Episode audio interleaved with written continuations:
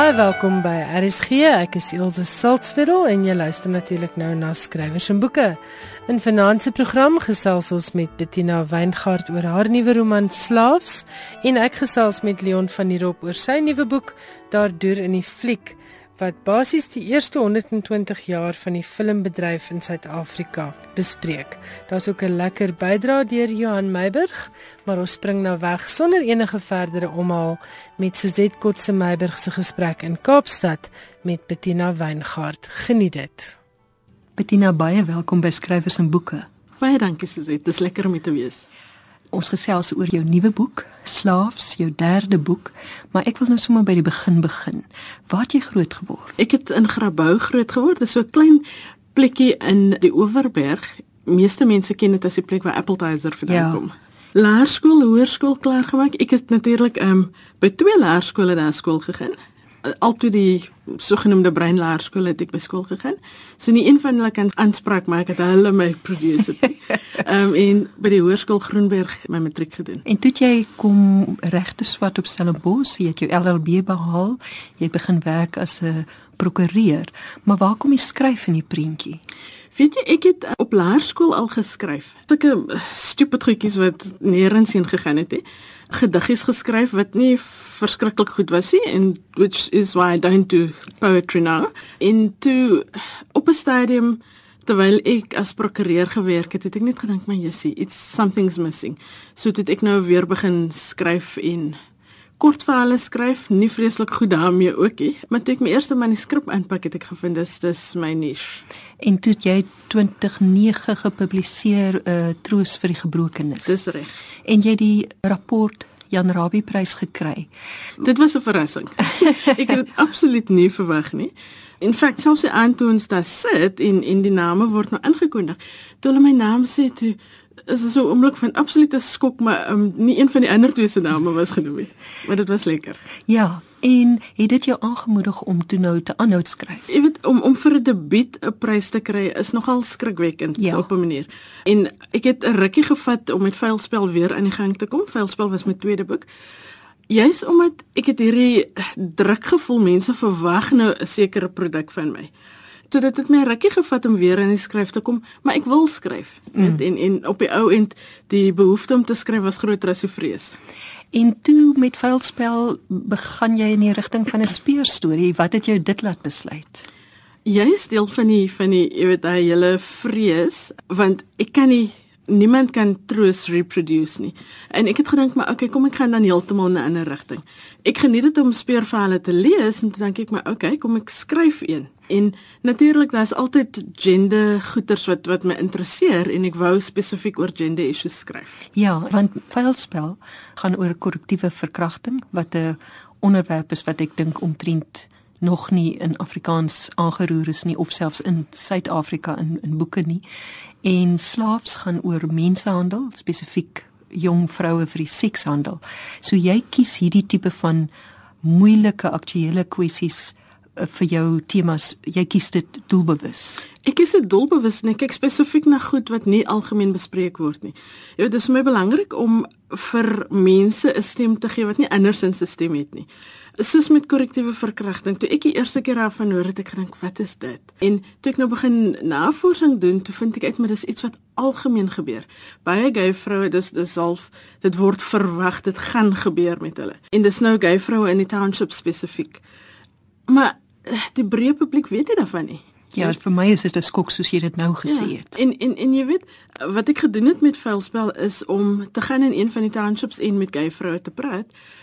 Aanvanklik wou hulle nie en ons moes eers die hele groep mense Robben Island toe vat dat hulle heeltemal weg van die mainland is voordat hulle begin oopmaak het oor hulle vrese oor oor oor die issues waarmee hulle elke dag te doen het.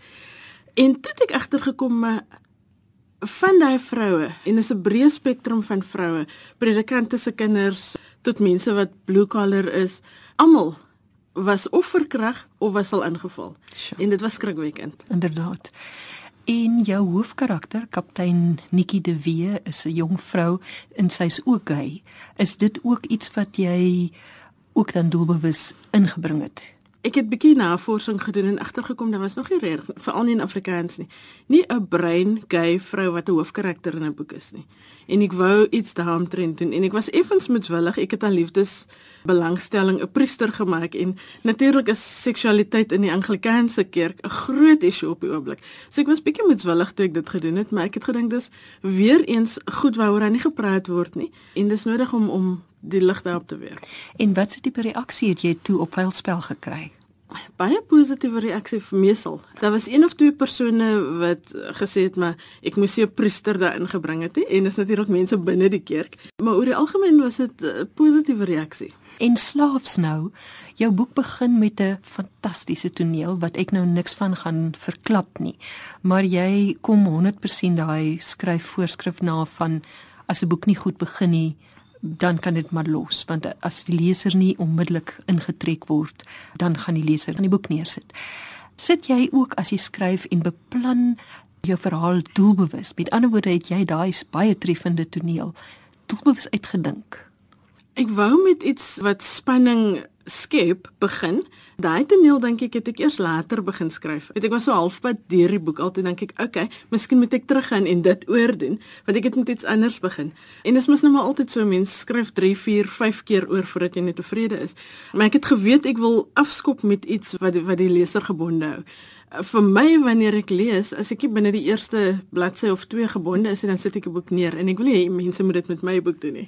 Ja, Stephen King dink ek is die een wat gesê het as 'n boek begin en daar sit 3 mense om 'n tafel en die teen die 4de paragraaf weet die leser nog nie dat daar onder die tafel besig is om 'n tydbom te tik nie dan kan die skrywer maar los. So jy het jou verspanning, ja. Jy het jou tydbom laat tik uh, sommer binne die eerste 2, 3 paragrawe. Een ander belangrike karakter wat nou saam met Nikki werk is Blackie Swart. Hy's ouer as sy en hy's ook haar haar senior, nê. Nee. Ehm um, hy aanvanklik in veilspel is hy 'n senior, maar dan word sy bevorder en sy is sy senior en dis dit was deel van die spanning wat daar is rondom, jy weet affirmative action en hoe hanteer mense dit. En hulle het hierdie bynaam vir mekaar. Hy noem haar Ounooi en sy noem hom oudste. Nou waar kom dit vandaan? Aanvanklik het ek Black is 'n bynaam vir haar was iets anders en nou kan ek eers onthou wat dit was. Maar soos wat ek begin skryf het en met mense gepraat het en jy weet mense het mos nou maar in openbaar en luister na wat mense mekaar noem. Dis dis een van my groot vreugdes om in 'n koffieshop te gaan sit en mense dop te hou.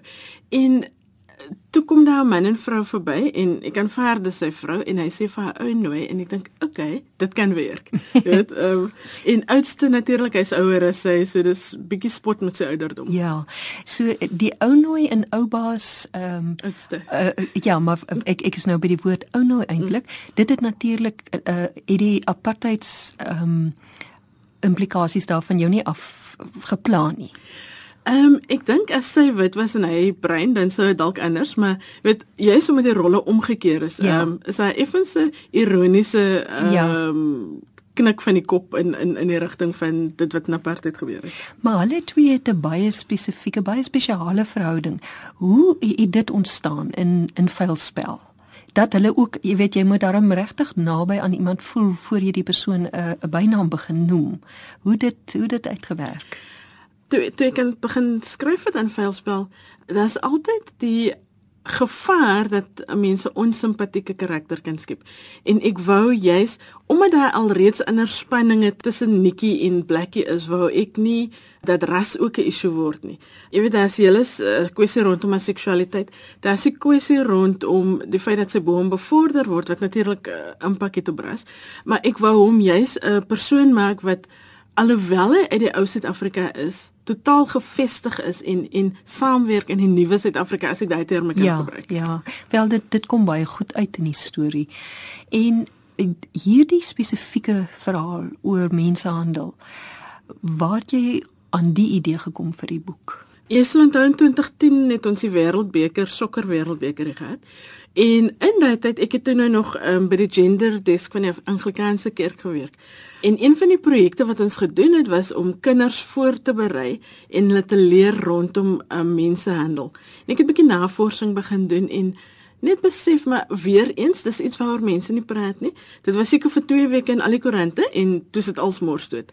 En so rukkie daarna toe ehm um, was daar 'n berig waar in Durban dink ek was daar vroue wat getraffic was en wat deur die polisie gered is. En dit was iets wat ek dink op bladsy 4 van die koerant was 'n klein paragraafie en niks het weer daarvan geword ja. nie. En en en toe besef ek maar okay, ehm um, mense besef nie hoeveel mense word getraffic in in effek nie. Ja. Ehm um, en ek wou bietjie my kop laat gaan inskryf daaroor. En dit is nou mense wat spesifiek tydens die wêreldbeker gevange geneem is. Korrek. Ja. Want onthou dat baie mense van oorsee gekom en waar daar 'n uh, demand is, moet daar 'n uh, supply wees. Ehm ja. um, en hulle sê mos altyd dat rondom sport en godsdienstige bedrywighede is daar altyd groter aanvraag vir sekswerkers as ander tye. Dis verskriklik, maar dis waar. Jene Bettina, die goed wat jy my nou hier vertel. Jy weet ook geweldig baie van polisieprosedure het ek agtergekom met die lees van die boek. Hoe weet jy hierdie goed? Moet jy navorsing doen?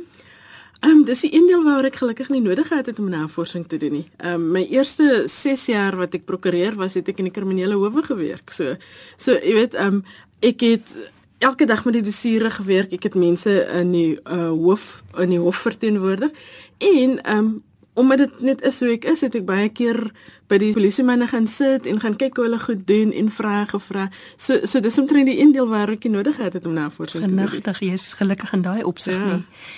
En jy is ook die ondervoorsitter van PEN, die uh, PEN Afrikaans. Ja. En jy is nou besig daar met die 777 projek nie. Ja, dis Vertel dis, daarvan. Dis vir my 'n baie exciting projek. Die naam, laat ek net eers vir die naam verduidelik. 777, ons gaan sewe skrywers vir sewe dae deur sewe dorpies in die Noord-Kaap vat. En dis 'n baie lekker span. Jy weet, dis mense soos daai Ina Ferris, um, Anastasia de Vries, Ansel Coulson is natuurlik ook op Pan-Afrikaanse bestuur. Aldrich Jason, uh Fraser Berry en dan Raimstein ek kry altyd sy naam verkeerd. Ja. Jy weet so dis so dis 'n lekker groep, 'n diverse groep. Hulle het verskillende goed wat hulle doen. Ehm um, maar almal baie entoesiasties. En wat ons dan nou doen, ons gaan deur sewe Noord-Kaapse dorpies, plattelandse dorpies, nie die Kimberleys van Noord-Kaap nie. En ons kry verskillende groepe mense bymekaar. Ons gee vir hulle intensiewe kort skryfkursusse en ons kry hulle om hulle verhale te vertel. Sjoe. En hierdie skrywers wat saam gaan, gaan hulle so soort van dan as mentors vir hierdie skrywers uit die gemeenskap uit. Die idee is om soveel mense as moontlik uit die gemeenskap te kry om hulle verhale te te publiseer. Ja. En hierdie sewe skrywers gaan dan nou tydens die kursus gaan hulle die dosente wees om dit ja. so te stel. En wat ons dan wil doen, ons hoop om uit daai groot groep 2 of 3 te kry wat ons dan vir 2 jaar gaan mentor. Met die idee dat hulle 'n vollengte manuskrip kan produseer en en publiseer. En dan wel ons weet nog nie wie gaan die mentors wees nie. Dit gaan of een van daai sewe wees of ons gaan iemand anders kry dit hang af. Jy weet ons ek glo dan in 'n vir 'n mentorskap om te werk met jy die regte persoon ja. um link met die met die um student om dit so te stel. So as die persoon of persone wat ons kry nie connect met die skrywers nie, dan kry ons iemand anders. Ja. Maar dis 'n wonderlike idee. Waar kom die idee vandaan? Ek en Ansel het eenslag gesels, net so, o, dit sal nice wees as ek bietjie Noord-Kaap toe gaan. Sy's in die Noord-Kaap. En gespeel met die idee en toe sê ek my, okay, dit sal eintlik baie lekker wees as mense 'n hele paar mense kry om te gaan. En sy sy is geweldig entoesiasties oor die mense van die Noord-Kaap. So toe ek haar nou oortuig om haar kontakte te gebruik om mense te kry en ek het toe nou my kontakte gebruik om skrywers te kry. Ja. Ehm um, maar dis dis is dis iets waaroor ons seker 3, 4 jaar al praat. Sjoe. En toe verlede jaar toe uh, met Pen International uh, jy weet een van daai um, proposals uitgestuur en gesê maar kom met voorstelle, ons sal vir julle geld gee. En ek het my um, proposal ingestuur en hulle het dit aanvaar. Wonderlik. Want Almal sê altyd die hele Suid-Afrika lê vol stories wat nog nie vertel is nie. Ons mense moet ons eie stories vertel in boeke en en in flieks en dit is nou presies wat julle gaan doen. Ja. So dit is dis regtig goed om te hoor.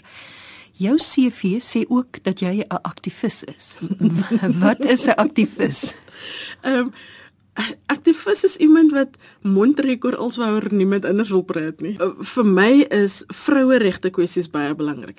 So enigiets wat met vroueregte te doen het en en dit kom in my skryfwerk dink ek baie duidelik uit. En dan al hoe meer um, begin die politieke situasie in Suid-Afrika, jy weet, bietjie krap in my en dan skryf ek daaroor. Ja. Ek lees altyd jou rubriek in uh, op Litnet en ek nee, ek ek waardeer geweldig jou rubriek want jy het altyd 'n 'n bydrae wat regtig nie moeite werd is om te lees. Is dit vir jou 'n spesifieke 'n goeie forum? Uh, kry jy terugvoer? Hoe werk jou betrokkeheid daar by Litnet? Weet jy, ek ek probeer om nie te veel van die terugvoer te lees nie met met my artikel oor oor witbevoordiging byvoorbeeld het ek 'n fout gemaak om te begin lees en na die 10de negatiewe kommentaar het ek besluit okay maak toe um, ek gaan nou nie verder lees nie maar oor die algemeen die terugvoer wat ek kry is meestal positief um, ja. die witbevoordiging artikel om een of ander rede het geweldige negatiewe reaksie ontlok nie om een of ander rede nie dit is omdat mense op die verdediging is daaroor maar uh, ek dink dit is is so belangrik dat al daai stemme gehoor word. Precies. Ek meen Suid-Afrika is op die oomblik um, een groot geskree, maar dit is beter as hierdie ongesonde stilte. En jy jy sê dit ook in jou laaste stuk, jy weet ons moet praat en sê dit hoe, maar ten minste praat mense al skree ja. hulle oor die algemeen. Um, En en wat ek vind is dat sodra mense begin praat en veral oor netelige kwessies begin praat, dan dan kom jy agter maar okay, hierdie hierdie persoon aan die oorkant van die tafel is nie so verskriklik soos wat ek gedink het nie. Ja, ja. Is jy besig met iets nuuts in die skryf op die skryf toneel? Ek is altyd besig met goedjies. Ehm um, ek het twee projekte op die oomblik. Die een het dieselfde karakters in as Slaafs, Nikki en Blackie en dan 'n paar ander karakters. Ek gaan nie veel daaroor vertel maar dis dis dis weer 'n speurverhaal met hulle. En dan die ander projek waarin ek begin werk het is 'n geskiedkundige verhaal wat die mense van Grabouw oor so 50 jaar betrek. Ja, sjoe, dit gaan interessant wees. Ek dink dit is baie ambisieus. As 'n skrywer nie ambisieus is nie, sal dan nie boeke geskryf word nie. Dis ook waar. Ehm um, terug by slaafs, jy het ook daar 'n neuwe tema wat gaan oor polisie korrupsie. Vertel 'n bietjie meer van jou sienings daaroor. Weet jy, ek dink in my tyd wat ek in die hof verskyn het en en dis verskillende howe, ek wil nie 'n spesifieke hof uitsonder nie, maar daar's altyd sekere sake waar daar ehm um, dossiere wegraak. Hmm. En en dis altyd dieselfde tipe sake. Ehm um, jy weet in in die Oeverberg area was dit byvoorbeeld baie poaching ehm um, dockets wat weggeraak. En as 'n mens begin uh die ding oopkrap dan kom jy agter maar iemand was betaal om die docket laat weggeraak. En ek wou daaroor skryf en weer eens dis iets waaroor mense nie praat nie en dis iets wat vir die polisie 'n geweldige um, embarrassment is so hulle wil niks weet daarvan nie. Maar ek wou ek wou 'n bietjie krap daarin. Ja, definitief. So joune is nie maar net nog 'n storie nie, jy het eintlik grond vir waarop jy daai deel van die storie laat rus. O ja, dis en is geweldig algemeen hoor. Dis skrikwekkend algemeen. Ek het ek het nie die oefening gedoen om te kyk hoeveel sake word teruggetrek omdat die dak het uh, verdwyn het nie, maar dit is geweldig baie. So. En ook in in slaafs het jy omtrent hier na die einde toe het jy 'n uh, aksietonele en skietery en so voorts. Oh, is dit iets wat jy jou net in ingedink het? Het jy jou net dit verbeel? Ja, ehm um, uh, ek het nou die dag vir iemand gesê, uh, ek probeer my navorsing so goed as moontlik doen, maar ek het nou nog nie 'n lijk veroorsaak net om uit te vind hoe doen mense dit. Ehm um, so so die skietenele is heeltemal verbeel. Ek wou effens van 'n James Bond uh, tema, maar nie te erg nie want ons is in Suid-Afrika. Maar ek weet bietjie ietsie anders probeer. Ja.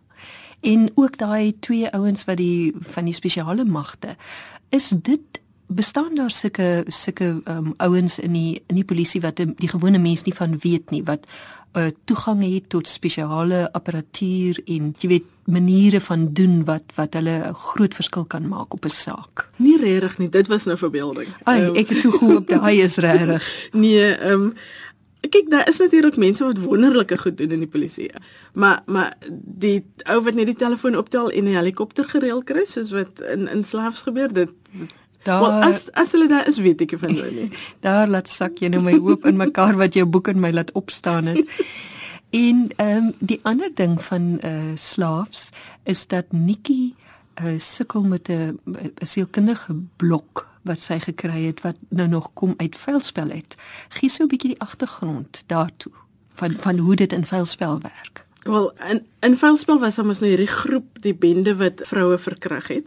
En een van hierdie bende het sy doodgeskiet. Hy het haar aangeval en sy moes hom doodskiet.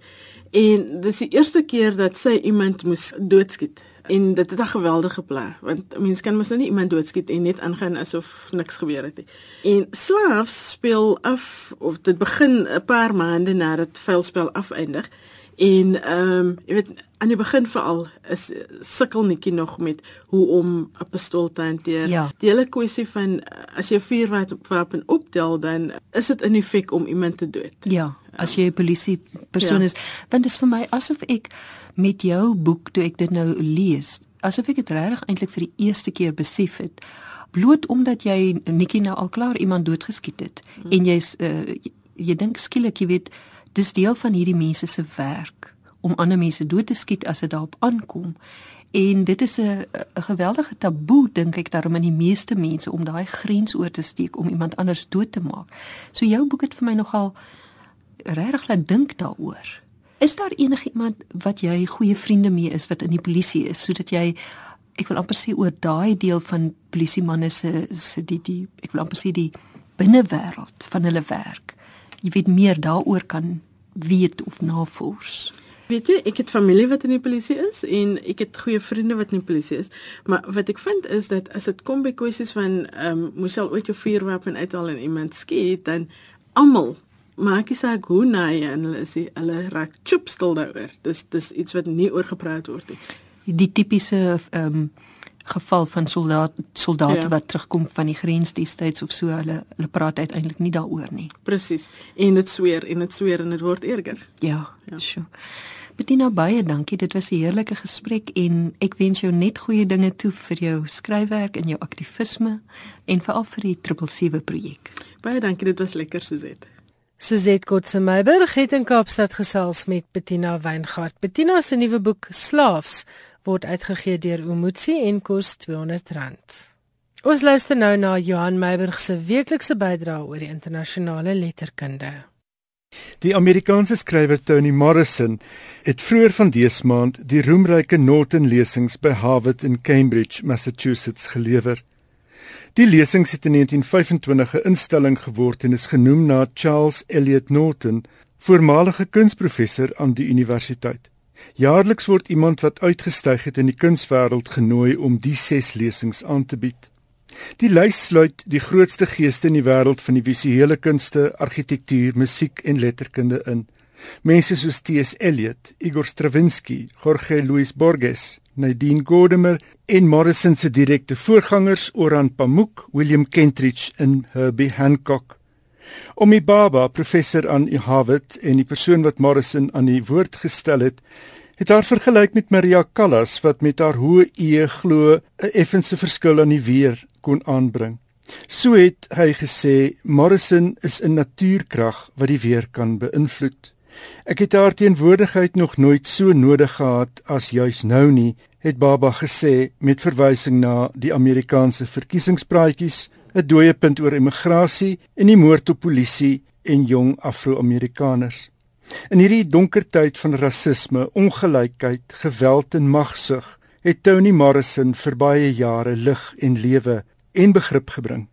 In haar eerste lesing met die titel Romancing Slavery, het die 85-jarige Morrison verwys na haar ouma grootjie wat na haar en haar suster as onsuiwer verwys het. Vir Morrison se ma het die grootjie gesê: "Jou kinders is vervals." Ek het nie verstaan wat sy bedoel nie, het Morrison gesê. Hoewel ek geweet het dit kan nie 'n goeie ding wees nie. My ouma grootjie was pikswart, die swartste vrou wat ek nog ooit in my lewe gesien het. In haar oë was sy suiwer, in ons onsuiwer. Dit was, het Morrison gesê, haar eerste ervaring dat die kategorieë van verskil oor mag gaan en die noodsaak van kontrole. Aan die hand van voorbeelde uit die letterkunde het sy gepraat oor die maniere waarop slawerny in die geskiedenis gestalte gekry het. Jy kan die verontmensliking van slawerny met geweld stormloop of jy kan dit verromantiseer. Maar ek meen goedheid is baie interessanter, het sy gesê. Boosheid is konstant. 'n 5-jarige kan maniere bedink om iemand anders te vermoor, maar jy moet 'n volwassene wees om bewustelik en met voorbedagte rade goed te wees. Dis moeilik. Toni Morrison het haar eerste roman, The Bluest Eye, eers op 40 gepubliseer. Sy het in 1987 vir Beloved die Pulitzerprys gekry en in 1993 die Nobelprys vir letterkunde.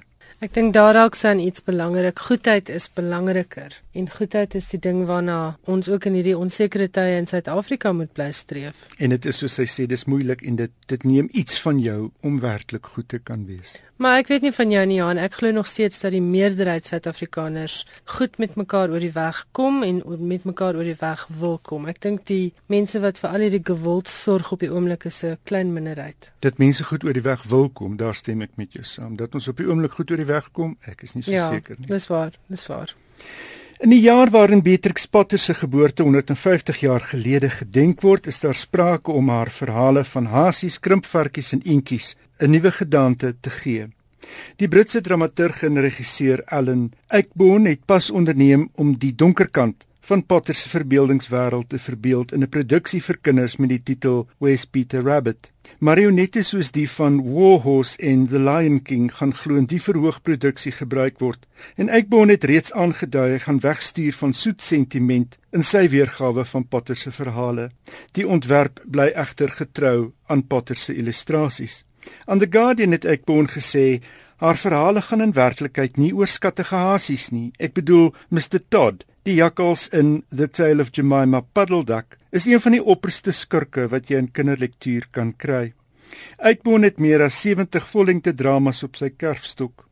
40 daarvan is aangebied op Londen se West End of in die Royal National Theatre of deur die Royal Shakespeare Company. Sy eerste verhoogstuk, Relatively Speaking, is in 1967 opgevoer. Die nuwe produksie is geskoei op 5 van Potter se bekendste verhale en word beplan vir the Old Laundry Theatre in Bowness on Windermere. Die bedoeling is om daarna 'n toer deur Brittanje te onderneem. Potter is in 1866 in Londen gebore en het bekendheid verwerf vir haar 24 verhale wat sy in 1902 begin het met The Tale of Peter Rabbit. Maar benewens skrywer was sy ook illustreerder natuurwetenskaplike en omgewingsbewaarder. Lank voordat sy die verhale begin skryf het, het sy waterverftekeninge van sampioene en paddastoele gemaak en navorsing oor die deel van die planteryk gedoen. Die oudste van die tekeninge kom uit 1887 toe sy 20 jaar oud was. Oor haar navorsing, veral oor die voortplanting van fungi, het sy latere lesing aangebied vir die gesaghebende Linnean Society of London. In die feesjaar is 'n voorheen ongepubliseerde verhaal van Potter uitgegee. En Peter Rabbit preek ook nou op die Britse 50 pennies muntstuk. Ek wonder altyd hoekom gaan lol mense met 'n bestaande goeie resep wat werk want gaan jy nou nie kleintjies heeltemal totaal bang maak vir Petrus Potter se stories met 'n tipe van 'n donker toneelstuk daaroor nie of is dit nie op die kindermark gerig nie? Dis op die kindermark gerig. Die donker deel is in elk geval in Beatrix Potter se verhale. En Eikborn het gesê sy oogmerk is nie om kinders af te skrik nie. O, Ehm okay. um, dis dis 'n dis 'n aangrypende eh, verbeelding van Potter se werk, maar maar hoe genaamd nie om kinders bang te maak nie. Goed, want ek sien al hoe hardloop die mammies met gillende kinders uit die teater uit. Pat Conroy, Amerikaanse skrywer van The Prince of Tides en The Great Santini, is op 5 Maart dood aan kanker. Hy was 70. Conroy het meesterlik daarin geslaag om sy lesers te boei met romans en 'n reeks memoirs waarin hy die mense, plekke en trauma van sy kinderjare bra onverdund gebruik. Sy pa was 'n vegvlieënier en 'n bra sadistiese man wat sy vrou geslaan het en sy kinders mishandel het. Sy ma het die kinders geleer om te lieg oor lyfstraf wat hulle pa hulle toegedien het. Saans het sy vir Pat uit Gone with the Wind voorgeles met familielede in die rolverdeling. Conroy se deurbraak as skrywer het in 1986 gekom met die verskyning van The Prince of Tides. Dis die verhaal van Tom Wingo, 'n hoërskoolonderwyser wat sonder werk sit en op pad is New York toe om sy suster te gaan bystaan. Die gaan deur 'n krisis en Tom moet terselfdertyd die spooke van sy verlede trotseer. Die boek is in 1991 verfilm met Nick Nolte en Barbara Streisand in die hoofrolle. En dan 'n laaste brok, Die samestellers van Living on Paper: Letters from Iris Murdoch 1934 to 1994 het onlangs op die Baas Literêre Fees gesê die inhoud van sommige van Murdoch se briewe het hulle regop laat sit toe hulle daardeur is vir die uitgee van die boek. Meer as 700 van Murdoch se briewe is byeengebring in die boek. In twee van die briewe verwys sy na The Beatles en in een daarvan skryf sy: "Ek dink The Beatles behoort poet laureate te wees." In 'n ander brief skryf sy dat sy 'n konsert van die Rolling Stones bygewoon het en their appearance was sufficiently androgynous to even please me, het sy gesê. Murdoch was 'n Ierse skrywer en filosoof wat in 1978 die Booker-prys vir The Sea, The Sea gekry het. Haar laaste roman, Jackson's Dilemma, het in 1995 verskyn. In 97 is Alzheimer se siekte by haar gediagnoseer en sy is in 1999 dood. Dit was die stem van Johan Meiburg met sy gereelde insetsel oor die internasionale letterkunde. Jy luister na skrywers en boeke. By my in die ateljee vanaand is Leon van Nierop. Ons het nou lekker gelag want ek het hom per ongeluk Leon Schuster genoem. Jy het my net nie 'n hartebreker genoem nie, Ilse. Uh, ek kan dit doen, Leon. Ek kan dit regtig doen. Dis jou derde keer dink ek op skrywers en boeke. Voorreg, Ilse, voorreg. En vanaand praat ons oor jou nuwe boek daar deur in die fliek wat pas by Protea Uitgewers verskyn het. Hy het letterlik verlede week geland. Waar kom hierdie boek vandaan? Want dit is letterlik dink ek die handboek oor Afrikaanse flieks die afgelope eeu. Ek ek ek hoop dit gaan wees. Ek hoop ook dat mense dit as 'n naslaan boek gaan gebruik voor ek jou vrae geantwoord, maar ook dat mense wat nostalgies is oor Afrikaanse rolprente of wil weet wat op die oomblik aan die gang is, dit gaan lees. Daar's ook baie staaltjies in. So mense moet dit asseblief nie sien as 'n akademiese boek nie. Nee, nou, daar is baie akademiese mm. kennis, maar ek het dit toeganklik probeer skryf. Waar die boek vandaan kom. Heel destyds in 2010 2011 het ek skielik in my motor gery eendag en gedink, hoekom doen ek nie 'n radioprogram oor musiek in Afrikaanse rolprente. Niemand niemand het dit nog ooit gedoen nie en daar was destyds 'n kanaal gewees uh, 10 uur in die oggend wat gegaan het oor musiek, erns meer ernstige musiek en ek leer dit toe aan Terrence April en Magdalene Creur voor as die geskiedenis van die Afrikaanse rolprent. En hulle sê vir my ja, inderdaad, jy kan dit doen. Toe kom die groot probleem, waar kry ek al daai musiek in die hande want goed soos Vadertjie Langbeen uh en en en en rolprente soos daai die kandidaat uh, Katrina, dis baie moeilik om daai musiek in die hande te kry. Uh so ek moes toe inderdaad gaan navorsing doen en in die navorsingsproses besef ek daar is 'n skatkis van inligting oor Afrikaanse rolprente. Nie net die musiek nie, maar die rolprente waarvan ek kennis dra en wat ek net nooit met mense gedeel het nie. So in daai program wat net 20 minute lank was, kon ek duidelik nie naaste by 5% van die kennis wat ek opgediep het aan luisteraars oordra nie. So ek het oor die musiek gepraat, ek het baie goeie terugvoer gekry kyk net het die program gehoor. Uh, Karen Meyering het my genader en vir my gesê, sy dink dit sal 'n baie goeie TV-reeks wees. Toe sê ek, "O, baie dankie. Ek, ek dink nog ook so." En toe het ek en Christa later gaan en Johan later gaan van Dias Films het bymekaar gekom en ons het begin navorsing doen oor die geskiedenis van die Afrikaanse rolprent. Nou die twee was ook deel van die Afrikaanse film hier rondom van die 1970s af. Om die waarheid te sê, Johan later gaan wat mense sal ken as Lads, was een van die eerste filmskoolstudente by 'n filmskool gewees by die Technikon Pretoria Ja, destyds. So hy ken die Afrikaanse filmbedryf van 1970. Christa is 'n intensiewe navorser. So ek het begin navors, sy het begin navors en toe het ons 26 episode onder Marida Swanepoel destyds saamgestel oor die geskiedenis van die Afrikaanse rolprent en daarin het Christa begin om almal wat nog leef bymekaar te kry sodat ek met hulle kan gesels oor die Afrikaanse rolprentindustrie. Maar Ilse nou die vreemde ding wat gebeur het met hoe meer mense ek gepraat het, die hele paar mense is dood intussen met wie ek gepraat het. So daar het 'n uh, gerug onder die mense rondgegaan in die filmbedryf as jy oud is en Leon van hierop nader jou moenie met hom praat nie, jy weet. Wat ironies genoeg byvoorbeeld Christo Tooi is onlangs oorlede. Jy weet, hy is die mees onlangs oor. Ek hoop ek is nog hier vir volgende week se program. Ons hoop so, ons hoop so. die, so dis dis hoe dit ontstaan het uh, uit uit grond daarvan uit. Maar jy het ook toegang gehad tot 'n baie interessante dokument. Sjoe, die, die dit was wonderlik geweest. Ek moet vir Morney Koetser daaroor baie dankie sê. Hy was natuurlik deel van die Afrikaanse filmindustrie. Hy het in 'n hele paar rolprente soos uh Kamikamfer byvoorbeeld die die rolprent van El Debo die uh, het het hy aan deel geneem so hy het groot geword saam met Afrikaanse rolprente. En hy nader my toe toe ek met hom 'n onderhoud doen toe sê hy hoor ek het iets wat ek gou vir jou wil gee en hy druk so ietsie in. En daar staan die invloed van die Anglo-Boereoorlog op die Afrikaanse rolprent. Hy het 'n skripsie daaroor geskryf. En ek kyk hierna dis seker 60 70 bladsye van inligting oor hoe ons rolprentbedryf eintlik gedurende die Anglo-Boereoorlog begin het. Dis waar ons begin leer het om stories te vertel, want dit was net bloot feite en die Engelse het aanvanklik film begin maak en en film begin skiet, maar dit was net uit hulle oogpunt, so die boere is altyd uitgebeeld as hierdie aaklige, vieslike mense met baarde wat as geweldenaars uitgebeeld is. Mm, en daartoe mm. mense van Engeland of hiernatoe gekom wat gesê het wat die boere ontmoet het en gesien het maar hulle is nie soos wat die Engelse hulle uitgebeeld het nie. So het hulle die ander sy van die saak begin wys. En dit is hoe ons begin storie vertel het. Dis hoe ons met cinema verite begin het. Cinema verite vir mense beteken werklikheids cinema werklikheidsrolprente so die waarheid word daar gewys maar tog soos jy behoort te weet wat self ook boeke skryf, wat is die waarheid? Dit word geïnterpreteer deur die persoon wat dit skryf en wat dit mm, sien. Mm. En Morney het wonderlik van albei kante af daarna gekyk en fantastiese inligting gegee. Uh en so het ons filmbedryf begin daar. Ek het onder andere die eerste rolprentskoot gesien wat ooit geskiet is hier rondom 1895. Het 'n kamera op 'n tram gery in Adderley Straat en 'n toneel afgeneem wat beweeg het en dit was die heel eerste toneel wat ooit geskiet is. Kort daarna is Paul Kreur afgeneem wat op sy koets geklim het op pad na die raadsaal toe. Dit was die tweede toneel wat geskied is in Suid-Afrika in 1898. En al die interessante elemente agter daai fotos en daai bewegende prentjies vertel ek in Adore nie fliek.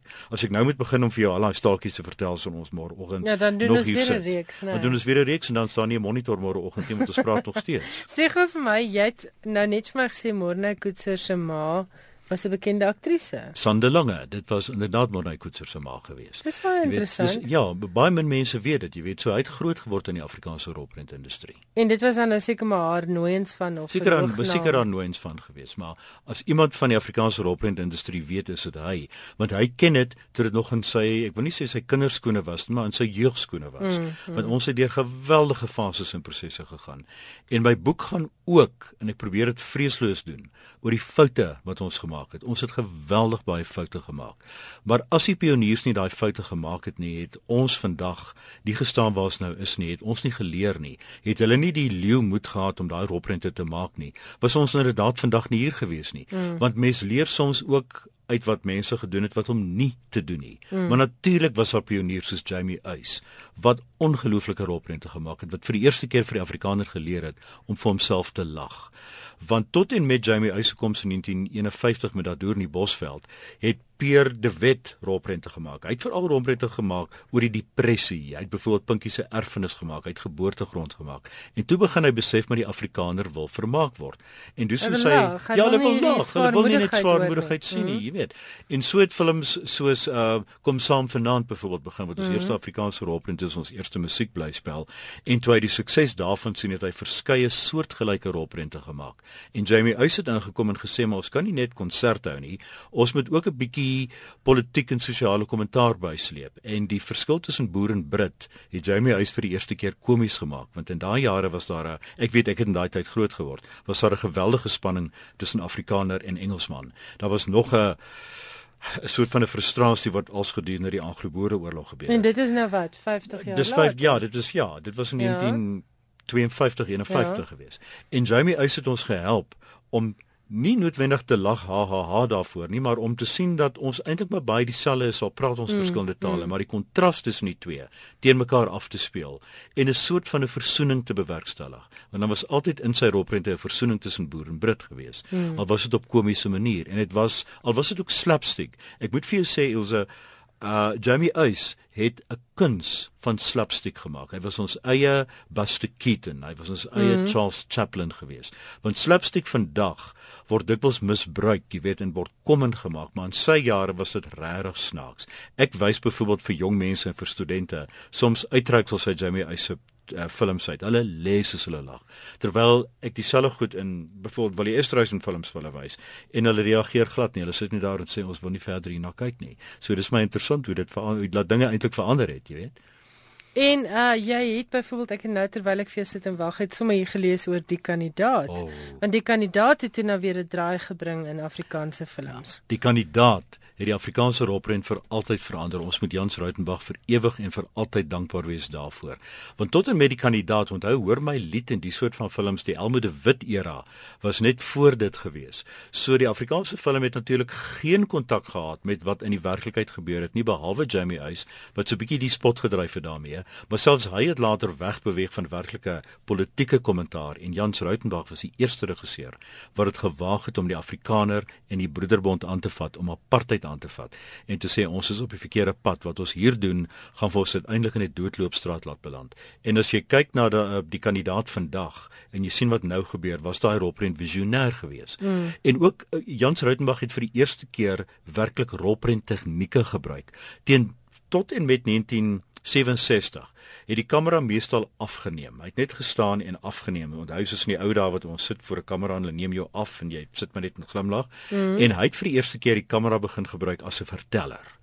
'n Kamera wat deelneem, wat vertel, wat interpreteer namens ons, wat vir ons wys wat die regisseur wil hê ons moet sien en nie noodwendig mooi prentjies nie. Mm. En mm. daar het diepte in Afrikaanse film gekom. Natuurlik Katrina het daarna gevolg en toe Jannie totsiens.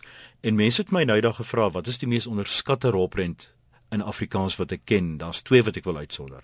Die een is Man in die donker van Truida Pool en die ander een is Janie Totsiens van Jans Rautenbach waar daar inderdaad met die met die kamera stories vertel is uh wat die wat die gehoor eintlik in aanhalingstekens opgevoed is of meegevoer is deur die manier wat die kamera die tonele wys en dat dit nie net afneem nie. En daai twee rolprente dink ek moet heruitgereik word op DVD mense moet weer daarna kyk en besin ook dat ons goed reg gedoen het destyds nie net foute gemaak het nie. Hierdie boek daardeur in die fliek ek aanvaar die uh titel is 'n sinspeling op daardeur in die Bosveld Absoluut Ilse, dis 'n mooi storie wat ek altyd vertel. Ek dink mense wat my al gereeld voor voor gehoor oor praat sal moegie voor, maar ek gaan dit weer vir jou vertel.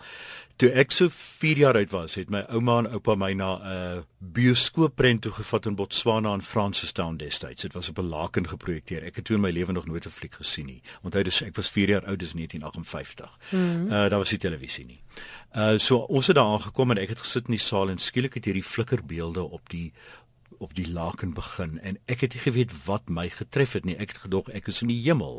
en ek het op daai oomblik so verlief geraak op hierdie flikkerbeelde dat dis eintlik 'n huldeblyk aan daardeur in die Bosveld wat my belangstelling in film eintlik geprikkel het. Daarom het ek dit genoem daardeur in die fliek. Maar ek bedoel ook met daardeur in die fliek ek gaan haal deur Ginter die geskiedenis uit, mm, mm. maar dan neem ek dit verder tot en met 2016 tot en met Sink wat Ja, wat nou op die op die kringloop is, nê. Nee. Maar jy sê nou hierdie boek het ontstaan by die RSG programme en toe het dit by die uh toe dit uitgeloop op 'n kyknet reeks. Maar dis nogal 'n dikkerige boek. Uh ek skat so amper 5 jaar, 470 blaaie. Is hier meer in as wat daar in die reekse was? Die probleem met die reeks was Ek het met mense onderhoude gevoer. Kom ons sê maklik 70. Nou die wat oorleef het. Ja, die wat oorleef het en en natuurlik die wat nog daar was voor hulle dood het ek ja. baie van hulle gepraat. En uh daar was so 70, 80 van hulle met wie ek gepraat het en met sommige van daai onderhoude was letterlik 'n uur na 2 uur lank.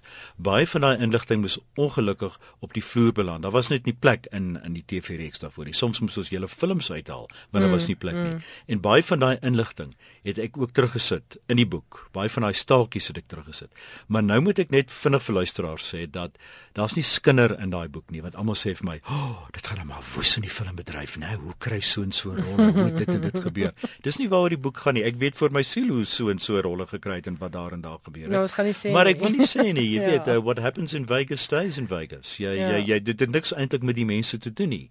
Ek praat oor hoe tendense begin het, hoe sekere mense in die rolprentbedryf beland het. So ek bring eintlik hulde daaraan. Ek ek gee nie net los kinderstories nie, maar daar's mm. pragtige staaltjies wat ek nie nou vir jou wil vertel nie, want dan gee ek weg wat in die mm. boek gebeur het, mm. maar dinge wat min mense van weet wat met ons groter regisseurs gebeur het, snaakse goed wat met hulle gebeur het en waaroor ek daar praat.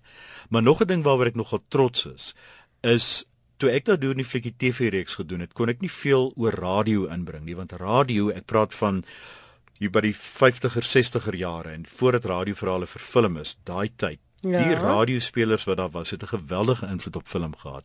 Ek praat van Jan Cronje, ek praat van Rolf Jacobs, Renske is sy Renske se dogter. pa, ja. Renske is sy Ja. dogter. En Nita Cronje van die Nita ATKV Cronje, is Jan se Nita is is, is sy dogter. Mm. Byvoorbeeld ehm um, uh uh Christo Pinaar praat ek oor, Trix Pinaar, al daai mense is my Everard. Mm. Uh hulle het Meride Tooi. Hulle het almal as radiospelers begin. Hulle het vir die eerste keer dialoog oordentlik gepraat. Jan Skutte, maar hy het nog nie eintlik gespeel nie. Mm. Maar hulle het geleer hoe om dialoog gemaklik te praat want vreeslik baie van die ander spelers was of joelkoninginne of was mense wat maar sommer net wat sangers of Engelse mense wat gevat is omdat hulle mooi was wat moes speel en hulle kon nooit oordentlik praat of die dialoog oordentlik weergee nie. En buitendien was die dialoog verskriklik styf en boekerig geskryf. Mm, mm. En hulle Baie formeel, né? Baie, dis was skrikkelik mm. voorbeeld geweest. En hulle het daai dialoog losgemaak van die bladsy af en dit filmies oorgedra want dit kom van radio af en selfs van radio het hulle dit nog vereenvoudig na film toe. So hulle het geleer, vir ons geleer hoe om dialoog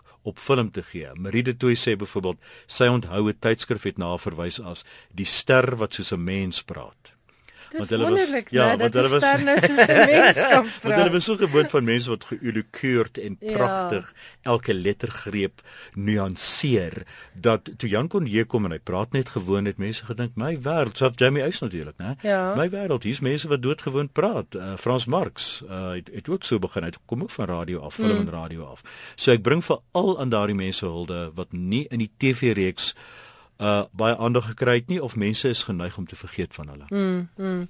En hierdie boek gaan tot soos jy nou sê tot by Sink wat nou op die kringloop is. Met ander woorde, wanneer is hierdie boek drukkers toe? Dit Die interesseer boek my. die boek is drukkers toe middel Januarie want ek kon nog tot vroeg Januarie kon ek nog veranderings aanbring. Chris Barnard is oorlede en dit was die laaste uh inskrywing wat ek nog in die boek kon maak toe ek kon sê Chris Barnard is oorlede maar in daai tyd was die boek nou al geset. Ja. So as ek iets inbring, moet ek dit net 'n sekere ja, ja. ek moet net 'n sekere aantal woorde, dan moet ek iets anders uithaal Ja. om dit in te sit. So uh begin Januarie wat ek nooit sou vergeet nie is Desember. Ek het al my sepies en al my boeke en goed ophou skryf in Desember sodat ek net 'n bietjie kan rus en toe besef ek my ek sal daai boek in sy geheel weer moet deurlees om doodseker te maak dat daar nie foute deurgeglip het nie, spellings deurgeglip het nie. Mm, mm. En ek het die hele Desember vakansie en in Januarie daaraan gewerk. Een een so 'n probleem was byvoorbeeld en dit mag mense dalk optel en ek weet nie wat daarvan deurgeglip het of nie, maar iets soos lieflang. Ons het dink almal in die film as lieflang. Die werklike titel is Liefling Hakkies die movie, maar jy spel movie M O V I E.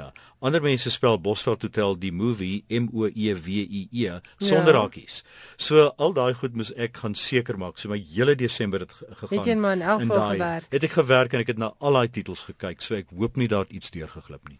Leon, wat skryf jy nou nog? Want hierdie boek is nou pas op die rakke, maar soos ek jou ken, is daar nou alweer iets aan die broei in terme van 'n roman of 'n Ek is- draaiboek of so iets. Ek is besig met twee draaiboeke. Ja. Uh waaroor ek nogal baie opgewonde is, maar ek wil eers daaroor praat sodra die geld deur is en ek weet dit word gemaak, maar die draaiboeke is geskryf. Ja. So ek het om die waarheid te sê, uh hierna vanaand hierna 'n groot vergadering oor een van die draaiboeke met al die betrokkenes. So ons sal kyk wat daar gebeur. En dan skryf ek 'n roman wat ek ook nog nie wil weggee nie, maar ek dink RSG luisteraars sal baie aan die roman belangstel. Dis iets wat die uitgewers my gevra het om te skryf en uh, ek het gesê ag nee man, hoe hoe hoekom vra julle my so iets? So sê hulle maar mense wil dit hê. Mm -hmm. So daar kom ook nog iets wat ek dink mense baie bly oor gaan wees. Goed, hy's baie geheimsinnig. Dis nou Leon van der Rop, die ou wat vir ons die wêreld van flieks oopgemaak het want ek wil nou nie vir jou laat oud voel nie, maar vandat ek 'n klein dogtertjie was, het ek altyd kennis geneem van Leon van der Rop se mening oor flieks. Ja. Wat was jou eerste fliek, Ilse? Kan jy onthou? Ek dink die fliek wat die grootste indruk op my gemaak het was Sonneblom in Parys. My wêreld. Ehm, Um, Dirkie, jy het nooit was Dirkie, Dirkie, ons het Dirkie Almal gaan van ons kyk. wat kinders Ja, was. ek het bietjie van het Dirkie gehuil in. Dirkie en ons het ons was so bang in Dirkie.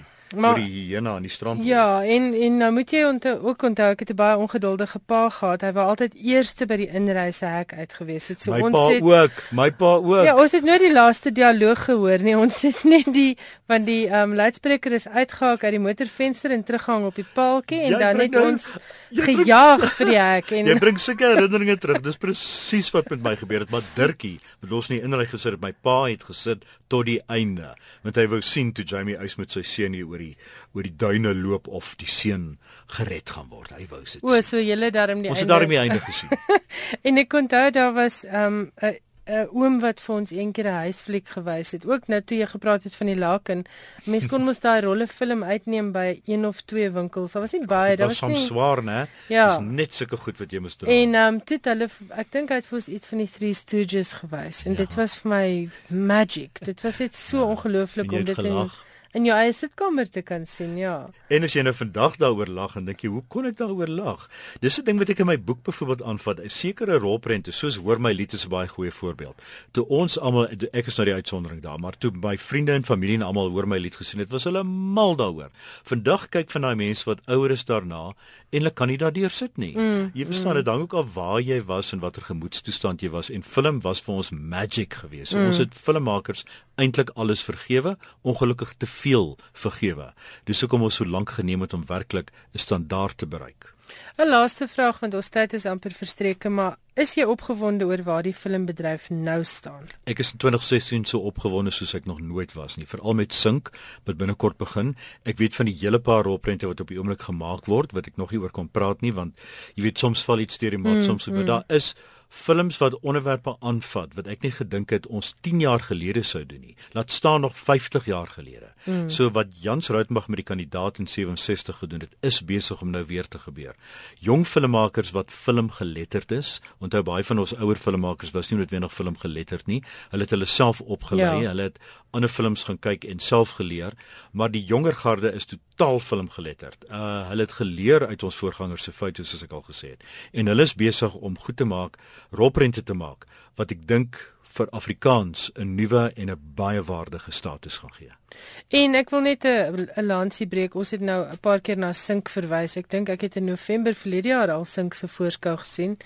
En is dit nie wonderlik hoe Sink lyk asof hy gemaak is vir hierdie presiese tyd waarin ons vir nou is. Hierdie presiese tyd. En Ilse, jy kan hom enige plek in die wêreld wys. Ek kyk baie keer na rolprent soos dis ek aan aan. Dink ek sien maar ek het 'n Amerikaanse vriend wat nou kom kyk en hy sê vir my, "Show me one South African film." Mm. Wat gaan ek doen? Ek sê vir hom dis ek Anna of Sink wys en ja. hom sê dis waar ons nou staan.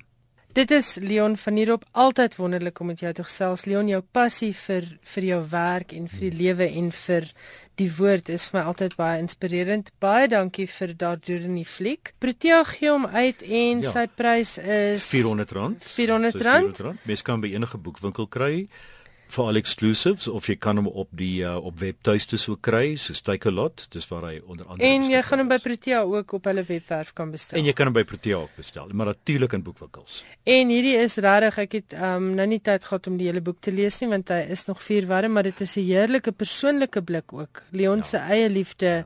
en kennis van flieks word ook in hierdie boek saamgevat. Leon baie dankie vir jou tyd. Dankie dat jy my gevra het. En met daardie lekker gesprek met Leon van der Hoop het ons dan aan die einde gekom van Finansies Skrywers en Boeke. My e-posadres is skrywersenboeke@rsg.co.za of as jy 'n SMS wil stuur, die nommer is 34024. Elke SMS kos soos altyd 'n rand. Tot volgende week dan, bly ingeskakel op die res van Finansies programme en tot ons weer gesels, mooi loop.